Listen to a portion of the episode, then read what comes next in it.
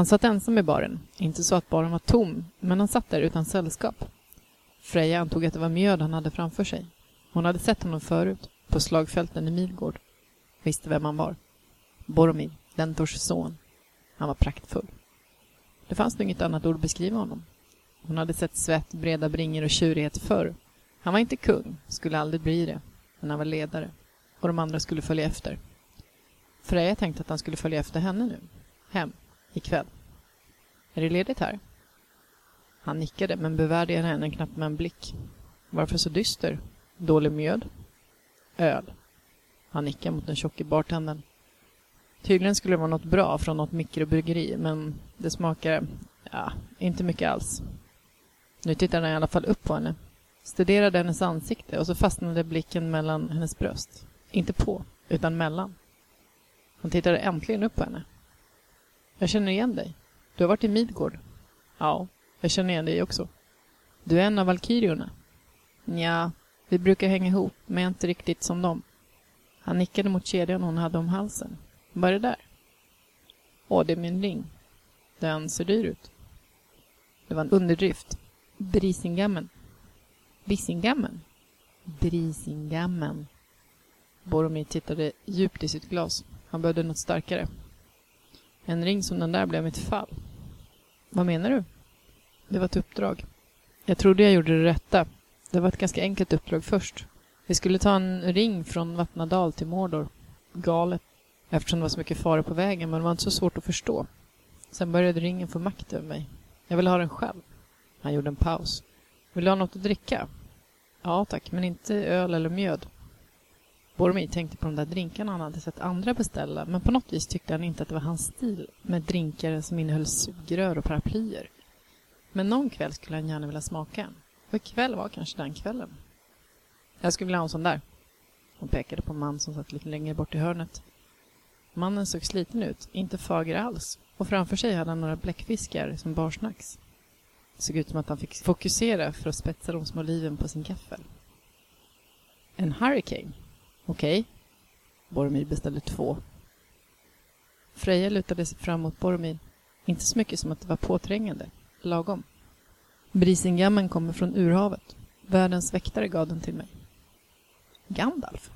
Nej. Heimdall. Även om han har många namn så är han ingen trollkarl. Åtminstone inte i Midgård. Hur gick det med ringen du ville ha? Dåligt. Ringar kan vara lömska, men det här är en god ring. Eftertraktad men god.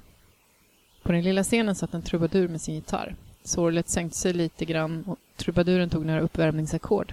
Trots musiken gick det fortfarande att prata utan problem. Han drack av sin Hurricane. Trubaduren hade just börjat spela en låt vars första rader lät Var det så här det skulle sluta? Var det så här det skulle gå? Tror du på ödet? frågade hon.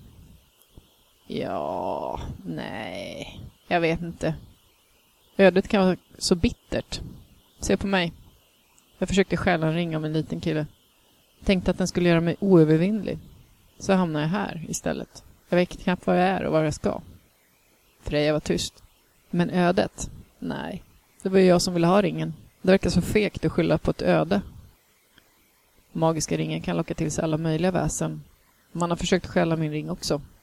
Frejas blick blev mörk. Jag är rädd att det jag gjorde gjorde att de andra inte kunde fullgöra sin uppgift. Hur då? Jag ställde till problem, var ouppmärksam. Kanske var det din uppgift.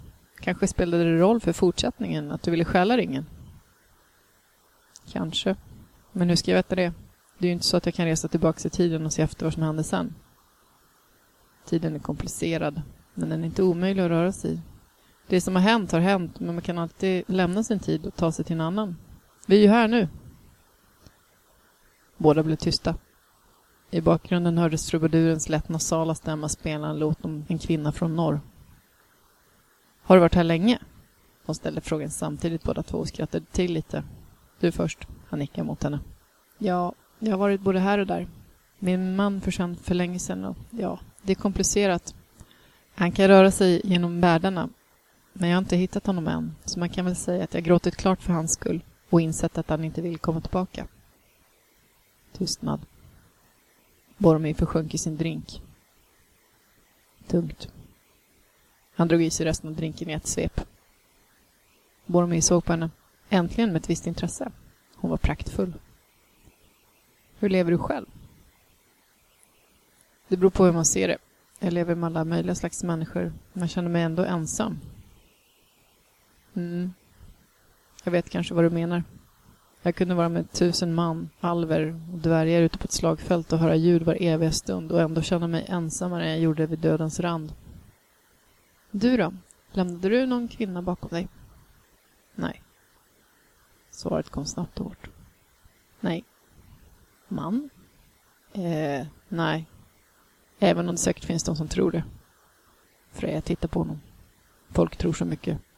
Hon tänkte på ryktet som fanns om henne och dvärgarna. Jo, de gör väl det. Gillar du dvärgar? Boromir frustade till, som att han hade satt sin nya drink i halsen. Ja, inte på det sättet i alla fall. Vad gillar du då? Han var tyst ett slag. Det fanns en flicka en gång. Freja tänkte att det gjorde det nästan alltid. Det fanns inte så många kvinnor i Minas Tirith. När jag var yngre träffade jag en prinsessa från Rohan. Boromir tystnade. Nu satt han äntligen i en bar med en vacker kvinna som var intresserad av honom. Då kändes det lite konstigt att prata om någon som man tyckte var intressant för så många år sedan. Prinsessan? Han skulle inte komma undan och prata om henne.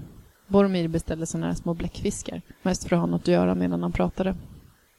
Hon var tolv. Hon hette Eowyn. Jag var 29. Hon var arg, sorgsen, vacker, påhittig. Jag sa till min bror att jag skulle träffa henne igen när vi båda blev äldre. Boromir skrattade till. Jag har aldrig sett min bror så arg. Han sa att jag var en gammal gubbe och borde skämmas. När jag frågade om han hade ömma känslor för den fagra prinsessan själv fick jag ett rakt svar. På näsan. Jag såg henne aldrig mer. Men jag stötte upp med hennes bror några gånger. Jag tror inte att livet blev så lätt för henne. Jag saknar min bror. Om det är dig till någon tröst så kommer hennes liv att bli bättre. Och din bror att bli hennes make. Var det Hurricane det hette? Jag behöver en till. Pröva en dry martini istället. Boromir tittade på den store tjocke bartendern. Han hade delat sitt skägg och flätat i två flätor. Bormir undrar hur stark den där Harrikan egentligen var. För inte kunde väl den där tjocke fan ha bjällror inflätat i skägget? Eller jo, det hade han nog. Två dry martini. Jag vet inte om jag ska vara skakad eller rörd. Freja tittar på honom. Det känns underligt att du vet saker om framtiden samtidigt som jag känner en värme eller kanske det är glädje att de får det bättre. Det är nog dags att släppa idén om en kvinna jag träffade när hon var tolv, som tillhör en annan värld. Drömmar kan vara både förrädiska och fantastiska. Nu spelade den slätrakade, magre trubaduren en sång om kärlek. Älskar mig nu, var den första strofen som fastnade i huvudet och Boromir sökte Frejas blick. Han skulle inte behöva fler drinkar. Nu visste han vad han ville. Å andra sidan var hon lätt att prata med och det var rätt länge sedan han hade pratat med någon på allvar. Du verkar känna till Midgård väl. Tror du att Midgård kommer stå emot ondskan? Jag vet inte. Legenden säger att jag försvinner när Ragnarök kommer. Men jag är här än. Jag tror att ondskan bor hos alla. Det där som han sjöng förut. Hennes blick gick mot trubaduren som sög tag i hennes blick. Och Freja förstod att om man inte fick Boromir med sig hem så skulle hon i alla fall få honom. Hon log uppmuntrande. De flesta går med strömmen om det går. Härskaringen kommer att försvinna. Så på något sätt så finns det ännu hopp. Men det kräver kamp. Det är lätt att förledas av, ja, kanske inte ondskan, men lättja. Boromir tittade på hennes ring igen. En god ring. Åtminstone var det det hon sa. Hans hand sökte sig dit. När hans hand nuddade vid hennes halskedja snuddade händerna vid hennes hud. Han röst till. Hennes hud var intressantare än ringen. Han släppte kedjan, bara för att få chansen att snudda vid hennes hud ännu en gång. Kanske var det ringen som var förhäxad. Eller så var det hon. Eller så var han förhäxad av henne. Eh, han rodnade. Ska, ska vi ta en drink till? Nu stammar han också. Vad fan? Är det det du helst vill göra? Hennes röst var hypnotisk. Boromir ville, han visste inte riktigt vad han ville, mer än att han ville känna henne. Hela henne. Eh, nej, eh, jag vill ha dig. Han rodnade. Kände hettan över kinderna ner på halsen. Men han tvingade sig att möta hennes blick. Plötsligt var en del av hans oro borta. Hon ville ha honom också. Hennes blick flammade som eld. Är vi i himlen? Frågan kom abrupt. Vad får du att tro det?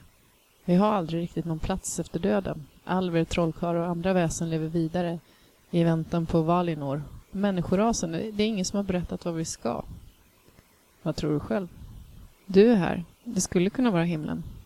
Freja undrar om det var tidernas äldsta raggningsreplik. Okej, ska vi gå hem till dig eller hem till mig, kanske var ännu äldre? Det här är en bar. I himlen? Nej, det är mer komplicerat än så. Tolken gör dig rätt. Efter döden så är jag på en bar som inte är himlen. Möjligheten finns. Spelar det någon roll? Jag vill gå hem till dig, men vi kan inte gå hem till mig. Ja, det är lättare. Jag bor på Vanadisvägen. Hon log. Tog en sand. Hon hade aldrig sett dörren till baren förut, men nu visade hon honom den. När hon klev ut befann hon sig i en stad. Mörkt vatten glittrade under dem. Himlen gnistrade över dem. På gatorna låg snö. De vandrade i natten, hand i hand.